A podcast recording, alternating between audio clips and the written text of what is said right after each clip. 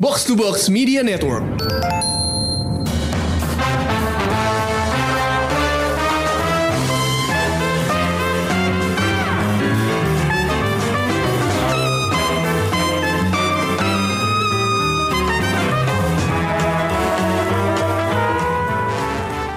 Halo halo, selamat datang di Showbox Podcast dengan gue Lisa.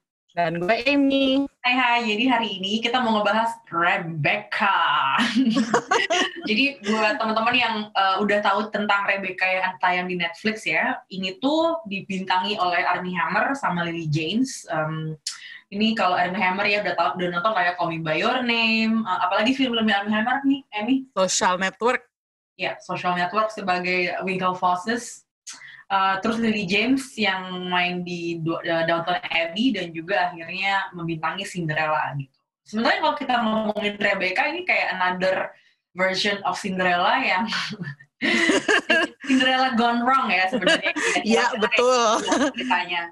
Uh, cuman uh, kita kayaknya memang harus bahas uh, langsung ke sesi spoilernya gitu. Soalnya uh, selain ini film udah pernah dibuat sama Alfred Hitchcock di tahun 40, uh, ada juga perbandingan lain yaitu langsung dari novelnya yang ditulis tahun 38 oleh Daphne du gimana nyebutnya ini? Maurier. Maurier, oke. Okay. Daphne du Maurier. Ya, gitu. Oke, okay, tapi sebelumnya sebelum kita bahas langsung ke sesi spoiler, dengerin dulu ya trailer dari Rebecca berikut ini. Buffett. The terrace is for guests only. Monsieur, the young lady will be joining me. What did you do? I'm a lady's companion. Maxim de Winter. His wife died last year and is in dire need of company. I'm oh, Monsieur de Winter. What are you doing? Oh, you'll see. This week. I'd like to never forget it. Come to Mandalay. I'm asking you to marry me, you little fool. Mrs. De Winter, may I present Mrs. Danvers? Welcome to Mandalay. Oke, okay, itu dia tadi trailer dari Rebecca yang baru saja tayang di Netflix. Ini tuh tayangnya nggak baru minggu lalu tuh nggak jauh beda sama yang kemarin kita review ya. Ini jadi kayak yeah. The Trial of Chicago Seven sama Rebecca cuman beda kayak dua hari apa kalau nggak yes, salah ya? Nah, dua tiga hari gitu. Jadi gue agak-agak kaget sih karena dulu itu kan Netflix tayang biasanya kalau rilis item baru eh menu baru tuh pasti Jumat gitu kan. Sekarang hmm. tuh kayak disebar ya throughout the week itu ada tuh tiap beberapa hari tuh ada yang tayang, ada yang tayang gitu. Jadi uh, membantu sih buat orang nontonnya nggak cuma weekend doang gitu. Oke, okay, ini tuh film Rebecca yang versi Netflix ini disutradari oleh Ben Whitley. Jadi ketika uh. gue pertama kali dengar Ben Whitley bikin ini, gue langsung kayak ini kita bahas yuk karena kalau pernah nonton beberapa filmnya Ben Whitley yang sebelumnya itu tuh kayak aneh banget seorang Ben Whitley bikin film romance. Udah gitu romansnya tuh bukan tipe romance yang gini ya. Kalau kalian tahu udah nonton Killis, Killis itu tahun berapa ya? 2011 ya ini ya? Mm, agak lama, gue udah lupa tahunnya. Iya. Itu tuh sempat ditayangin di Jakarta waktu festival film di C, di CGVGI. Dulu namanya masih masih Blitz Megaplex. Gue lupa dalam rangka apa tuh. Kayaknya gue lupa nama-nama film festival ya sorry banget tapi tayang di Indonesia tayang di Jakarta waktu itu uh, gue inget yang nyuruh gue nonton Killis tuh sudah The si Gareth Evans. Jadi gue baru wawancara dia terus dia bilang eh nonton Killis ya? Ntar itu film gue yang bawa ke sini. Oke okay, bos kalau gitu gue nonton. Terus gue trauma ya kan. Of course gue kayak I should have known better ya. Tolong kalau Gen kalau Gareth yang rekomend tuh gue kayaknya harus agak-agak aware gitu. Uh, terus film keduanya Sightseers juga nggak kalah Iya nggak sih, Amy? Aneh banget. eh, lo nonton kan Sightseers? Nonton sih, tapi gue nggak paham film itu tentang apa. gue gagal paham, Lis. Yes. Mungkin otak gue nggak nyampe kali ya, atau emang selera filmmaking dia sama uh, selera film gue agak beda aja gitu. Hmm. Tapi abis itu membaik sih kalau menurut gue. Karena abis itu dia bikin, kan sempet dia bikin ABC of Murder juga kan uh, eh ABCs of Death ya. Iya. Oh, tapi terus dia bikin juga A Field in England. Oh itu juga gue nggak ngerti sih. ya jadi nggak tapi sekarang itu ke nggak ngertian uh, kita berdua gitu ya itu menjelaskan kenapa kita heran si Ben Whitley ini bikin Iya. Rebecca gitu kan kayak oke gue kayaknya mau nonton nih jadi kalau misalnya ada cerita gothic romance yang bakal di remake tahun 2020 maybe Ben Whitley is the person gitu kan Iya. Kayak kita tuh datang ke film Be- Rebecca ini dengan asumsi itu gitu kan Heeh. Um, nah, tapi gimana nih menurut lo, Amanda? Mungkin uh, lo kasih overview-nya dulu uh, pendapat lo tentang Rebecca-nya Netflix tahun 2020. Oke, kayaknya gue harus mulai dari novelnya karena gue Boleh. kenal cerita Rebecca itu dari novel Daphne du Maurier yang Hmm. aslinya. Oke. Pada saat itu gue masih SMP, jadi gue baca. Terus gue ternganga dengan eh, sebenarnya bukan dengan kata-katanya, konstruksi kalimat itu bukan kayak gitunya, tapi dengan eh, betapa gothicnya cerita ini gitu. Hmm. Eh, bahwa eh, ternyata ada rahasia yang disimpan sama eh, salah satu karakter utamanya yang bikin gue kaget. Gue nggak percaya aja bahwa kok love story ternyata bisa dibikin sampai segininya, sampai jadi sebuah nightmare gitu. Dan gue kan itu kan nggak ada namanya ya, nama. Jadi kalau nggak salah ya. eh, pemeran utamanya, jadi karakter utamanya seorang wanita yang baru saja menikah dengan pria kaya raya, itu hanya disebut sebagai Mrs. The Winter. Jadi dia nggak The second Mrs. The The second Mrs. The Winter. Jadi nggak punya nama gitu dan itu bikin gue uh, beneran swept up ke dalam ceritanya seakan-akan gue yang menjadi second Mrs. The Winter-nya gitu dan Ya. itu pertama kalinya gue baca novel yang seperti itu gitu. Uh, waktu gue tahu ternyata ada filmnya, gue sebenarnya belum berani nonton karena gue tahu yang bikin Alfred Hitchcock dan gue merasa agak-agak serem aja nonton film-film Hitchcock gitu. Hmm. Tapi hmm, ya setelah lama-lama gue beraniin, wah ternyata adaptasi yang pertama itu juga oke banget gitu. Nah Hmm. makanya nih sekarang nih tiba-tiba ada 2020 Ben Whitley bikin Hmm. Rebecca. Are you kidding me gitu? Harus nonton. Yes. Jadi eh, perbandingannya banyak ya. Jadi nggak hanya dari novelnya, tapi juga dari film yang sebelumnya. Hmm. Gitu. Meskipun gue baca nih, eh, menurut eh, Armie Hammer sama Lily James, eh, mereka tidak berniat untuk meremake filmnya. Hmm. Jadi mereka lebih mengarah kepada adaptasi novelnya. Hmm. Nah, gue nggak ngerti deh se seakurat apa adaptasi ini, tapi ya nanti kita bahas aja. Iya, gue kalau gue awalnya eh, gue nggak tahu kan kalau mereka nggak mau remake gitu. Jadi eh, komparasi itu pasti ada gitu kan. Dan eh, ketika gue nonton versinya Netflix ini, gue kaget karena ini glossy banget gitu ya. Kayak Hmm. emang jelas buat eh, market anak muda kayaknya ya. Eh, Mm. Glossy, terus gambar-gambarnya tuh cantik. Of course, tokoh utamanya juga Armie Hammer sama Lily James gitu. Gue tuh kayak eh, nanti kita bahas, tapi gue tuh kayak dari awal kenapa Armie Hammer ya yang jadi si Iya, yang betul. jadi, eh, Maxim The Winternya ini, The Winternya ini gitu. Karena gue gue kayaknya lebih pengen aktor yang lebih agak-agak ada aura misteri, aura dominannya gitu. Kayak kalau Armitage. Hammer tuh such a gentleman gitu ya nggak sih? Kayak gimana ya? Iya, kayak terlalu gentle gitu untuk jadi karakternya Maxim menurut gue ya, menurut gue. Tapi ntar kita bahas gitu.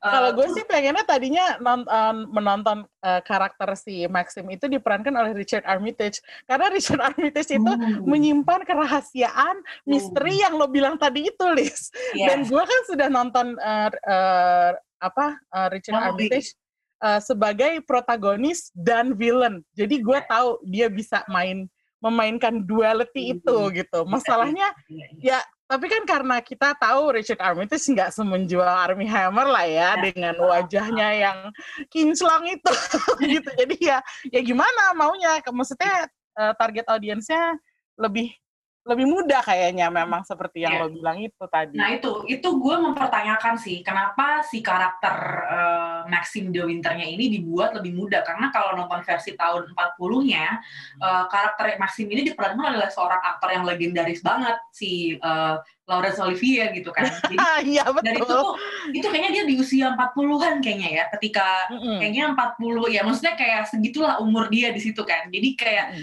lo bisa ngelihat dia sebagai sosok yang problematik tuh karena ya udah se ya udah setua itu gitu kan Jadi kelihatan Mm. gitu kelihatan Eh, nah gitu terus juga Lily Jamesnya gitu kan gue yang kayak aduh this is just another uh, Cinderella karakter gitu I wish uh, Lily James ini bisa dapat karakter yang lebih apa ya lebih complicated walaupun jelas kalau di Cinderella kan dia sangat cantik uh, apa ya naif gitu ya polos uh, di sini pun kayak gitu tapi di sini lebih dark aja gitu tapi hmm. gue nggak merasa karakternya Lily James ini menarik ya buat gue si yang yang di Rebecca ini yang the second Mrs. The Winter kalau gue gitu uh, tentu saja bintang di film ini adalah uh, Christine uh, Christine uh, Kristen Christine Scott Thomas yang main jadi Mrs. Danvers, uh, Mrs. Danvers-nya gitu.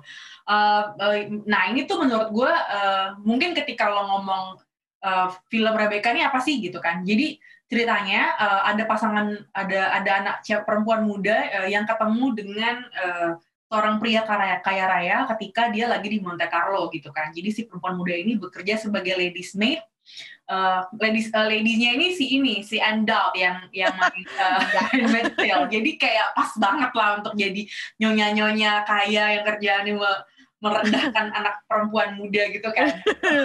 Kayak itu udah pas banget.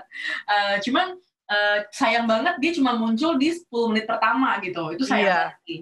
Jadi uh, uh, nah itu tuh menurut gue uh, jadinya peran re, apa sih ya, karakter Rebecca-nya itu tuh dari awal tuh agak kurang kurang kerasa gitu. Kalau lo kalau gue mau ngebandingin sama film tahun 40-nya misalnya ya.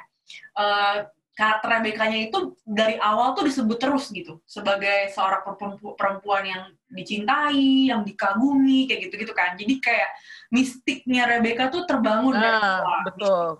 Kalau yang di 2020 ini kayaknya memang mereka tuh pengen nge-shift gitu. Nah, gue yang gue nggak tahu adalah versi bukunya tuh kayak gimana gitu. Jadi kalau gue mau ngebahas, mungkin gue agak-agak, mungkin gue bukannya mau ngebandingin dengan tahun 40 ya, uh, karena menurut gue selain tadi yang dibilang sama Amy, mereka ini kan kalau kata Ernie Hammer sama Lily James, mereka ini nggak mau remake, mereka ini maunya hmm. mungkin langsung adaptasi dari bukunya. Tapi ya kalau lo filmmaker, lo nggak mungkin nggak tahu Alfred Hitchcock bikin film uh, Rebecca gitu. Jadi pasti ada juga lah diskusi tahun film tahun 40 tuh kayak gimana kondisi sosialnya gitu. Dan yang gue tahu adalah, nah inilah kenapa juga kita nggak bisa ada sesi non spoiler gitu. Karena dari endingnya aja itu yang tahun 40 sebenarnya digantikan dari versi buku uh, sama hmm. yang bikin filmnya itu diganti gitu. Karena mungkin hmm. dinilai endingnya dinilai terlalu rough lah buat masyarakat kala itu gitu kan. Dan ketika sekarang tahun 2020 yang menurut gue bedanya udah puluhan tahun masyarakat harus lebih dewasa gitu ya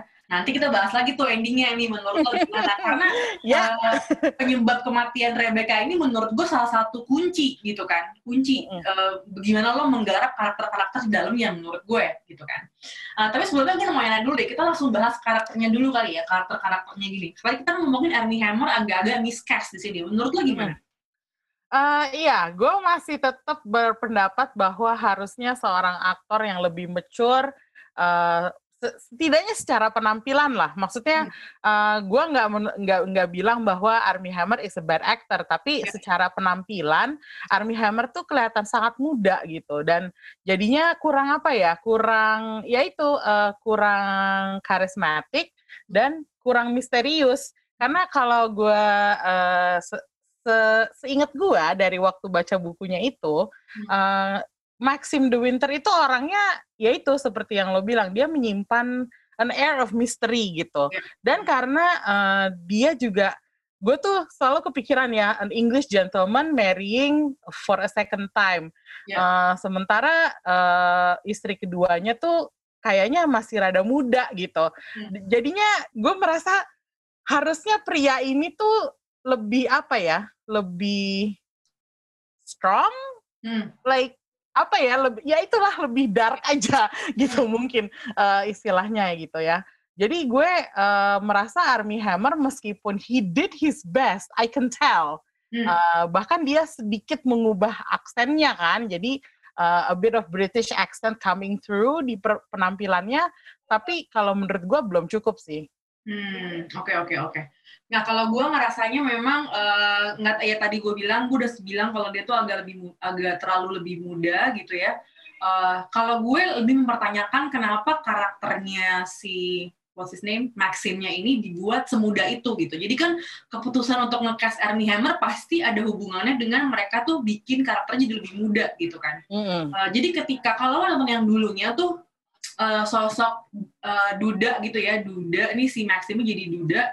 Terus kenapa si siapa tuh bosnya si Mrs. Van Hopper? Bosnya hmm. si The Second susah nih karena nggak ada namanya nih si karakternya ini ya karakternya Lily James ini.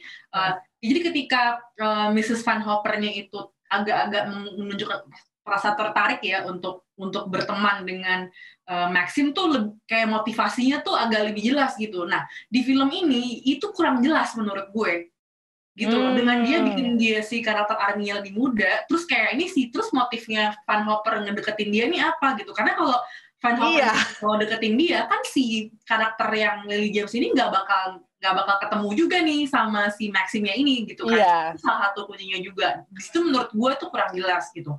Uh, jadi kayak tapi memang uh, chemistry antara Armie Hammer dan Lily James gue suka banget gitu. Itu yang menurut gue sangat modern uh, modern romance tuh rasanya tuh di situ gitu. Jadi kayak they are so into each other tapi at the same time kadang-kadang uh, Armie Hammernya eh, Maximnya Maximnya Armie Hammer tuh agak kelihatan ya dia tuh distance gitu. Secara apa emosinya tuh jaraknya tuh kerasa gitu. Kalau tiba-tiba mau ngomongin uh, mantan istri lo kayak gimana sih gitu karena itu tuh langsung dia uh, shut down langsung diem dan itu menurut gue kalau dari segi situ itu dapat gitu dibanding yang karakternya yang dulu gitu.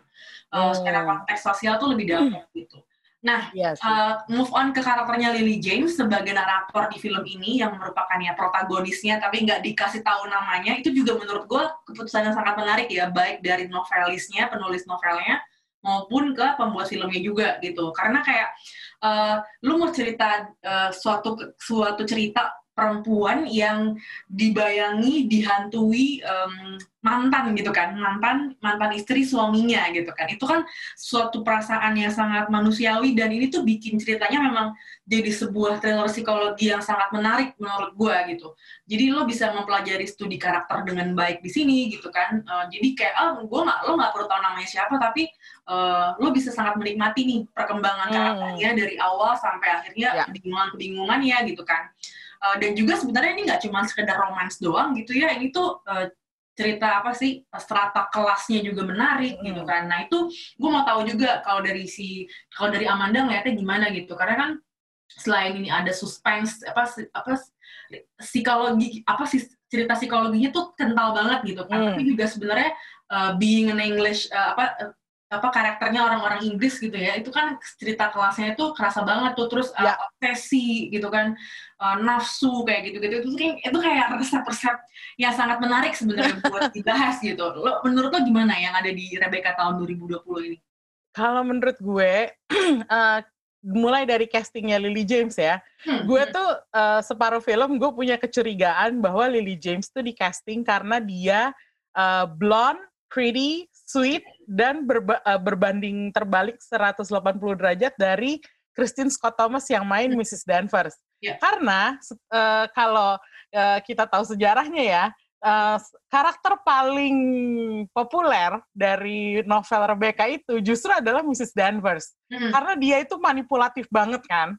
Yeah. Jadinya dia she's the perfect villain gitu loh. Yeah. Dan gue uh, merasa penampilannya Christine Scott Thomas di film ini justru uh, tadi lo ngomongin chemistry-nya uh, Lily sama Army Hammer, hmm. which is interesting karena kalau menurut gue di sini yang menarik adalah uh, chemistry-nya Lily James sama Kristen Scott Thomas. Uh, dua perempuan ini tuh beda banget gitu, sehingga jadi waktu mereka ketemu di berbagai adegan itu tuh lo bisa ngerasain betapa jahatnya si Kristen Scott Thomas yeah. gitu. Hmm. Mungkin mereka pengen milih aktris yang wajahnya agak innocent ya, makanya mereka milih Lily James. Uh, kan waktu dia main jadi Cinderella, dia kan kayak pure banget gitu yeah. kesannya. Uh, jadi kont kontrasnya tuh kerasa banget antara mereka berdua sehingga pada saat mereka main di satu di setiap adegan mereka muncul bersama itu kerasa banget bahwa Christian Scott Thomas itu jahat banget. Hmm. Meskipun penampilannya Christian Scott Thomas tuh subtle banget, halus banget. Jadi dia nggak yang nyinyir, dia nggak seperti karakter uh, evil stepmother, tapi kerasa bahwa wah nih cewek nih nyimpen nyimpen apa ya kayak kebencian yang mendalam gitu. Makanya kalau menurut gue uh, ya itu ada apa ya ada mungkin semacam resentment juga dari si uh, Mrs. Danvers karena mereka tadinya kan posisinya sama ya, mereka sama-sama pembantu istilahnya gitu. Nah, tapi terus si Lily Jamesnya naik jadi nyonya, nyo, uh, lady of the house. Ya mungkin itu ada semacam apa ya kayak jealousy. jealousy bisa juga atau ya itu aja. Kayak apa sih uh, dia merasa kok si uh, orang ini bisa tiba-tiba datang dan tiba-tiba langsung naik pangkat? Sementara gue udah di sini udah melayani keluarga ini tapi gue di sini-sini aja gitu. Gue yeah. gue nangkepnya kayak gitu sih. Hmm, Oke, okay. nah ini menarik banget kalau udah ngebahas si Miss Danvers ini karena menurut gue emang si villainnya tuh dia sebenarnya ya. Hmm. Ketika karena kan kalau ngomongin Tuh. judulnya Rebecca sih, tapi Rebecca-nya tuh udah mati gitu kan. Jadi ya. kayak emang sebenarnya musuhnya ini si justru sih siapa sih dia kepala rumah tangga ya, dia housekeeper gitu kan intinya kan. Iya, housekeeper. Ya, kepala rumah tangganya uh, apa Manderley ini yang merupakan rumahnya Maxine de Winter gitu kan. Mm -hmm. Nah, kalau ngomongin kenapa dia se-hostile itu ke istri mudanya Maxine, gue tuh punya beberapa pemikiran sih sebenarnya. Yang pertama hmm. adalah mungkin yang dijelasin di film ini secara hmm, gamblang gak gamblang ya, yang dia bilang kita tuh ada bond gitu karena uh, dia tuh minta tolong minta bantuan gue atau segala macam kayak gitu-gitu kan, dan itu nggak bisa bukan bond yang bisa putus begitu aja gitu kan. Of course, tapi kan kalau lo lihat uh, secara masuk akalnya ya, ya lu tuh kepala lo tuh housekeeper gitu maksudnya kayak uh, ya kalau bos lo punya bini muda ya ya udah itu kenyataan gitu kan maksud gue kayak gitu terus ada beberapa bagian yang digambarkan seolah-olah si Mrs. Danvers ini punya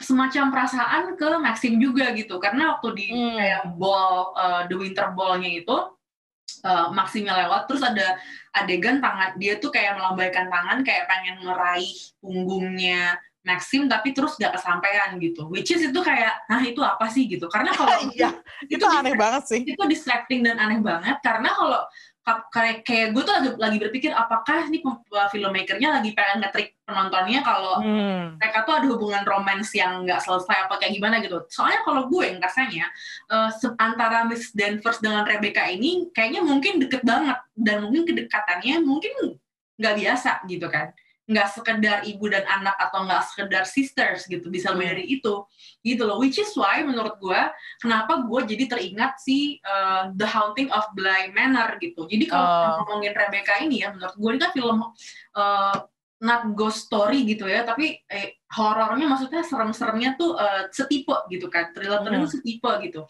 Nah di di di film ini menurut gue karakter karakter kalau gue mau bilang karakter tuh karakter ya tapi Manderlinya ini kurang kerasa buat gue oh iya itu sih jelas. sebagai sebuah institusi ya apalagi kalau di masyarakat Inggris tuh kalau lo kayak ke manor gitu lo tuh kayak emang udah uh, wah tingkatannya tuh udah kompleks gitu kan uh, nilai kom kompleksitas sosialnya ini tuh menurut gue nggak kerasa gitu. Yeah. Uh, dan itu lebih kerasa oleh seriesnya Mike Flanagan yang The Haunting, Both Hill House dan Bly Manor menurut gue. Hmm. Jadi tuh gue kayak pas nonton ini, gue langsung kayak berandai-andai gitu. Gila ini kalau yang megang Mike Flanagan mungkin akan lebih bagus banget gitu. Karena dia bisa menghidupkan sebuah tempat jadi karakter yang uh, mungkin buat Lily James intimidatif, terus buat Maxine artinya beda lagi, itu kan kayak saksi apa keluarga dia gitu kan, kayak kejayaan keluarganya gitu kan, yang itu dia pertaruhkan gitu kan, ketika walaupun dia nggak suka sama istrinya dan dia pertahankan rumah tangganya demi mempertahankan yaitu establishmentnya itu, terus buat Mrs. Danvers juga artinya beda lagi gitu kan, uh, dia pengen itu berlangsung seperti dulu ketika ada Rebecca kayak gitu-gitu loh, itu tuh kayaknya justru gue bisa dapat itu tuh ketika misalnya nonton uh, film apa episode episodenya The Haunting of Bly Manor sama Hill House gitu loh. Itu lebih dapat hmm. karakter rumahnya hmm, hmm, karakter suatu tempat sebagai tempat yang sangat menghantui buat orang-orang baru di dalamnya gitu loh. Jadi kayak sayangnya tuh, itu tuh nggak tercapai di film ini. Banyak banget itu yang adegan-adegan kayak gitu tuh yang nggak tercapai. Itu sayang banget sih menurut gue. Gitu. Um, kalau gue boleh mau agak tambah topik lain gitu ya uh, gue mau nanya juga sih ke Amanda sebenarnya uh, menurut lo ini kita uh, sengaja dibuat glossy gitu uh, atau karena emang pengen beda banget sama gotiknya apa noirnya si Hitchcock uh, atau gimana menurut lo? Gue juga nggak paham ya, Liz, kalau soal itunya ya. Gue juga merasa kenapa ini uh, film ini secara keseluruhan itu soft dan cushy banget gitu. Iya, betul. Kayak apa ya? Itu kayak nggak ada bedanya dengan gue nonton serial semacam Broadchurch gitu. Yang maksudnya Broadchurch maksudnya Broadchurch itu kan uh, serial yang lumayan psikologis ya. Uh, tapi dia nggak sampai dark banget karena ya settingnya juga di pantai gitu kan. Nah jadi gue gue merasa uh, ini tuh apa mungkin mereka emang sengaja nggak mau terlalu dark uh, seperti yang lo bilang nggak mau menyaingi gothicnya yang versi tahun 40 Hmm. atau memang ya itu yang seperti kita bilang tadi di awal target audiensnya emang lebih muda gitu. Iya. Jadi um, gue juga perhatiin uh, pa- depannya tuh panjang banget loh. Kayak Oh, benar. pertemuan-pertemuan antara si uh, Maxim De Winter dan istri keduanya ini itu tuh di elaborate sedemikian rupa sampai kayaknya ada kali ya setengah jam sendiri. Maksudnya uh, di novelnya gue nggak nggak melihat itu. Oke. Seingat gue nggak ada cerita romansnya mereka dipaparkan sampai se sepanjang Ya, itu. mungkin itu tadi bahan jualannya ya. Iya, jadi maksudnya kayak kesannya tuh mereka pengen menjual banget romance antara Armie Armie, Hammer ya. dan Lily James, Hmm. uh, sehingga terus akhirnya uh, titik tengahnya itu yang harusnya menjadi apa ya jualan utamanya itu Ya. malah jadi terbengkalai gitu. Ya. Dan gue kayak merasa oke mereka mencoba menampilkan misteri kematiannya Rebecca, Hmm. tapi kalau menurut gue itu kayak nggak diseriusin gitu Hmm. ya udah asal tampilin aja gitu. Jadi gue agak sebenarnya gue agak bingung dengan direction dari film ini Hmm. karena selain tampilannya yang sangat kinclong dan shiny dan aduh pokoknya nggak nggak ini deh nggak nggak nggak atmosferik sama sekali. Gue juga merasa kok dia berusaha mengambil terlalu banyak eh, jalur gitu. Hmm. Uh, misteri iya tapi nggak sampai romance iya tapi juga gitu aja. Uh, horornya juga kalau menurut gue nggak dapet gitu. Iya. ya intinya sih dua jam gue nonton film ini itu gue nggak nggak ada tegang-tegangnya sama sekali. Jadi enak aja ngikutin ceritanya.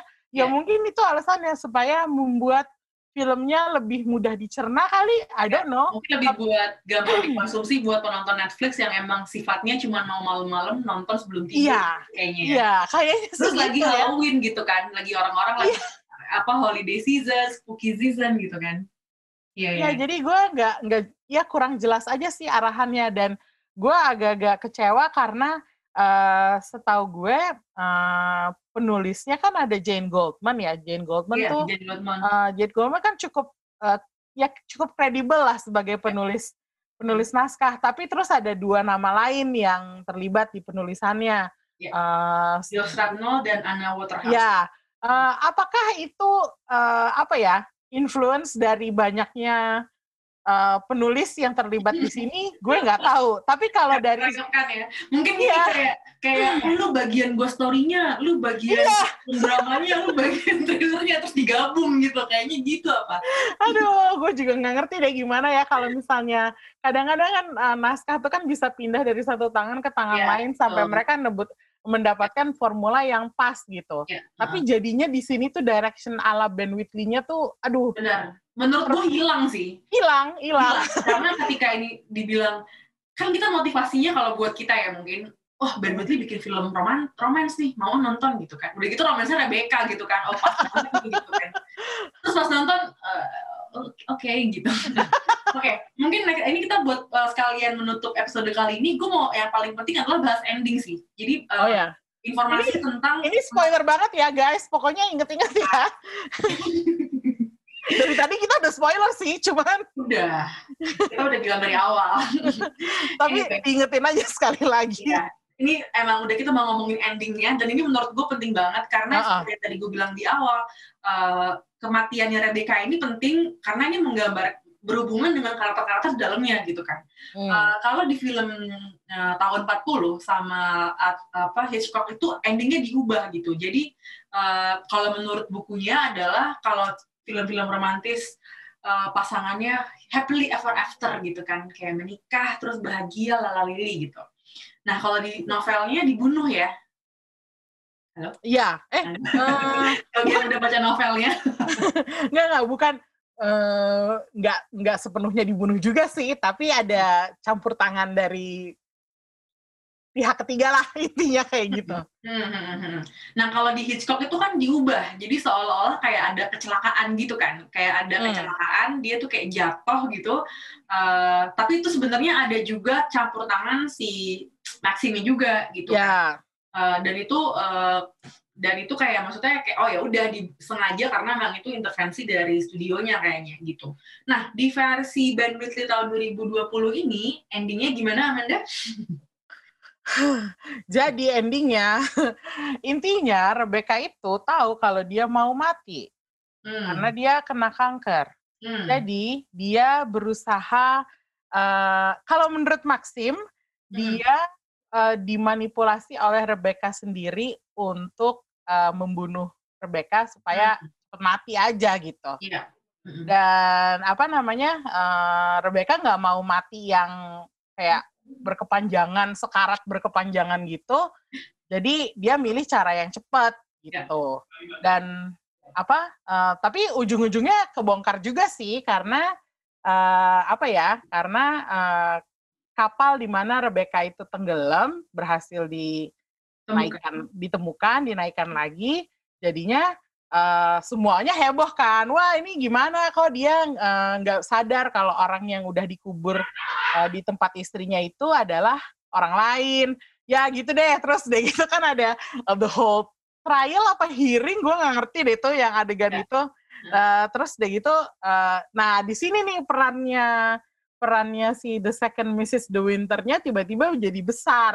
Iya. Uh, dia berusaha meyakinkan uh, uh, dia sendiri yang menginvestigasi uh, kematian si Rebecca supaya bisa mengclear nama suaminya Hmm. gitu. Dan I appreciate the effort, really I do appreciate the effort.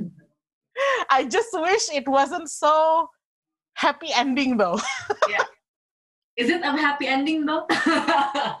Ini Gidis, karena ceritanya mereka eh, apa ya? Karena ceritanya mereka abis itu mereka pergi ke mana, terus hidup berdua dengan eh, bahagia, Iya. eh, dengan terus tiba-tiba si second Mrs. De Winter-nya udah ngerokok aja.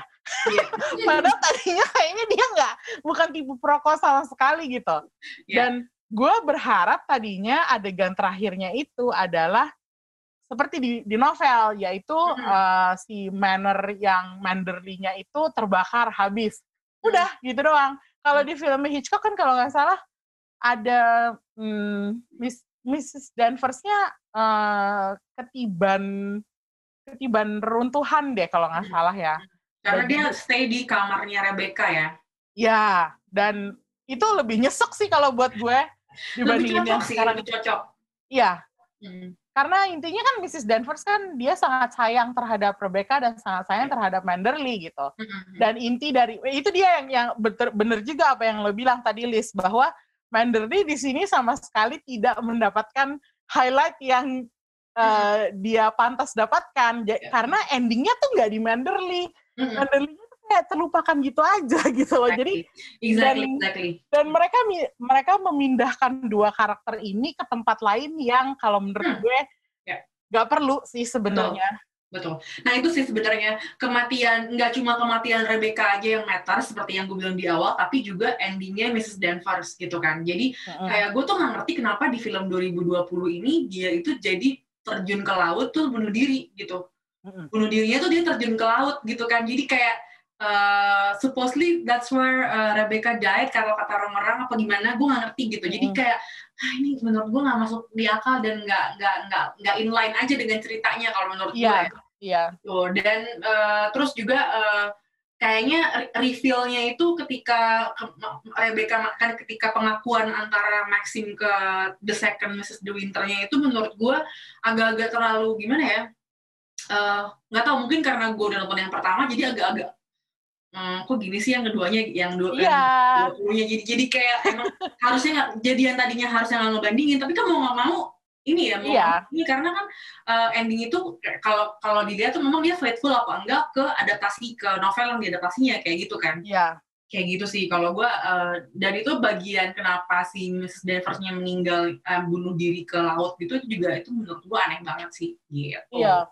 Maksudnya sebenarnya ya menurut gue ini Ben Whitley emang dia ini aja sih emang ini uh, it's it's his popular take aja on Rebecca gitu. I don't think he's trying to be indie or he's trying to be uh, ini. Emang dia kayaknya pengen for the first time dia pengen appeal to the mass aja sih menurut gue Iya, jadi kayak bisa jadi sih.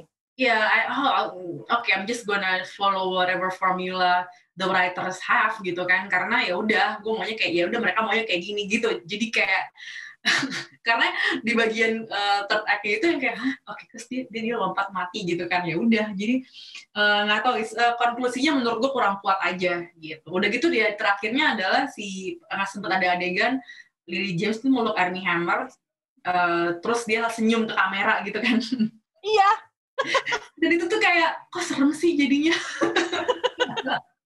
mungkin itu menggambarkan transisi ya di iya. mana di awal film tuh dia uh, clueless, lugu, pendiam, pemalu gitu kan. Terus uh, at the end she's that she's fully herself gitu ya and she gets what she wants gitu kan dia uh, established lah sebagai as a woman gitu, as a rich woman gitu. Mungkin itu kan yang dia tuju dari awal gitu. Cuma I don't know, just like uh, uh, kayaknya uh, menurut gue all over the place aja sih filmnya dari awal juga gitu. Iya, betul. Kalau gue juga merasakan hal yang sama karena uh, setelah gue nonton filmnya, gue nggak merasa ada kaitan emosional sama sekali ya. uh, terhadap filmnya, terhadap karakter-karakternya. Buat ya, gue lu nggak tahu mau simpati ke siapa misalnya. Iya, terus kayak ya udah sambil lewat aja nontonnya. Makanya kalau menurut gue uh, dari dari segi casting, dari segi naskah, ini emang agak hmm, berantakan sih. Jadi ya, ya, I mean, nggak usah kalau misalnya mau nonton film ini ekspektasinya nggak usah terlalu tinggi lah, nggak usah ngarepin kayak uh, apa kilis gitu, nggak usah ngarepin sightseers yang aneh itu. Iya, nggak usah. Bahkan jangan mengharapkan kayak ensemble action komedi ala Free Fire ya. Kalau menurut hmm. gue sih uh, salah banget kita untuk membandingkan film ini dengan film-film Ben Whitley yang sebelumnya. Jadi film ini tuh emang berdiri sendiri.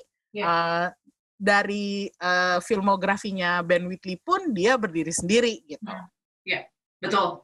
Oke, okay, itu dia tadi ya pembahasan kita. Ini udah 45 menit, panjang juga ya ngomongin Rebecca-nya uh, Ben Whitley ini. Uh, ya itu tadi kalau misalnya mau nonton di ini, mau nonton di apa namanya? uh, di Netflix iseng-iseng boleh lagi spooky season gitu kan. Mm. Uh, selain itu gue juga mau rekomend The Queen's Gambit. Lo nonton gak Emi? Belum mulai. Belum mulai. Tapi ya? bakal. Iya uh, dong harus. Cuma tujuh episode ya kalau nggak salah gue. Tujuh episode hmm. kalau nggak salah tujuh kalau Ini seri soalnya kan jatuhnya. Iya, agak lupa. Tapi menurut gue uh, worth banget buat ditonton. Uh, uh, ini tuh gamenya tentang seorang perempuan jenius pemain catur gitu. Uh, dan bagus banget. Uh, Oke okay lah buat jadi hiburan kalau nonton malam-malam gitu kan. Gitu. Lo lagi nonton apa nih selain uh, selain Rebecca ini? Gue lagi nonton uh, ini uh, menyelesaikan Lovecraft Country dari oh, HBO Oh, itu seru banget sih, seru banget sih, gila banget sih. Gue nggak pernah nonton serial kayak gitu sih. Jadi kayak, wah, kalau ada yang punya HBO Go, uh, hmm. pastinya tonton di HBO Go. Udah selesai sekarang, jadi lo udah bisa binge. Hmm. Gue belum berani nonton episode dua episode terakhir, tapi gue bakal nonton segera. Oke, okay, oke, okay, oke. Okay. Ini ini ya uh, ada direkturnya Yan Gue lagi buka HBO Go nih. Ini ada satu, dua, tiga, empat, sepuluh episode. Ya, dan uh, ini uh, pro, diproduserin oleh uh, executive produced by Jordan Peele dan J.J. Abrams. Jadi of course you have to watch lah. Iya, iya, iya. Oke, oke. Gue next akan nonton itu. Gue lagi menyelesaikan um, uh, I I May Destroy You. Uh, oh, oke. Okay. Dua episode lagi, habis itu mungkin gue mau nonton itu juga. Oke, okay, itu dia tadi obrolan kita soal Rebecca dan juga yang dikit-dikit tentang apa yang lagi kita tonton di tengah-tengah kesibukan sehari-hari gitu ya. Thank you banget yang udah dengerin Showbox. Uh, sampai jumpa minggu depan. Bye-bye. Bye.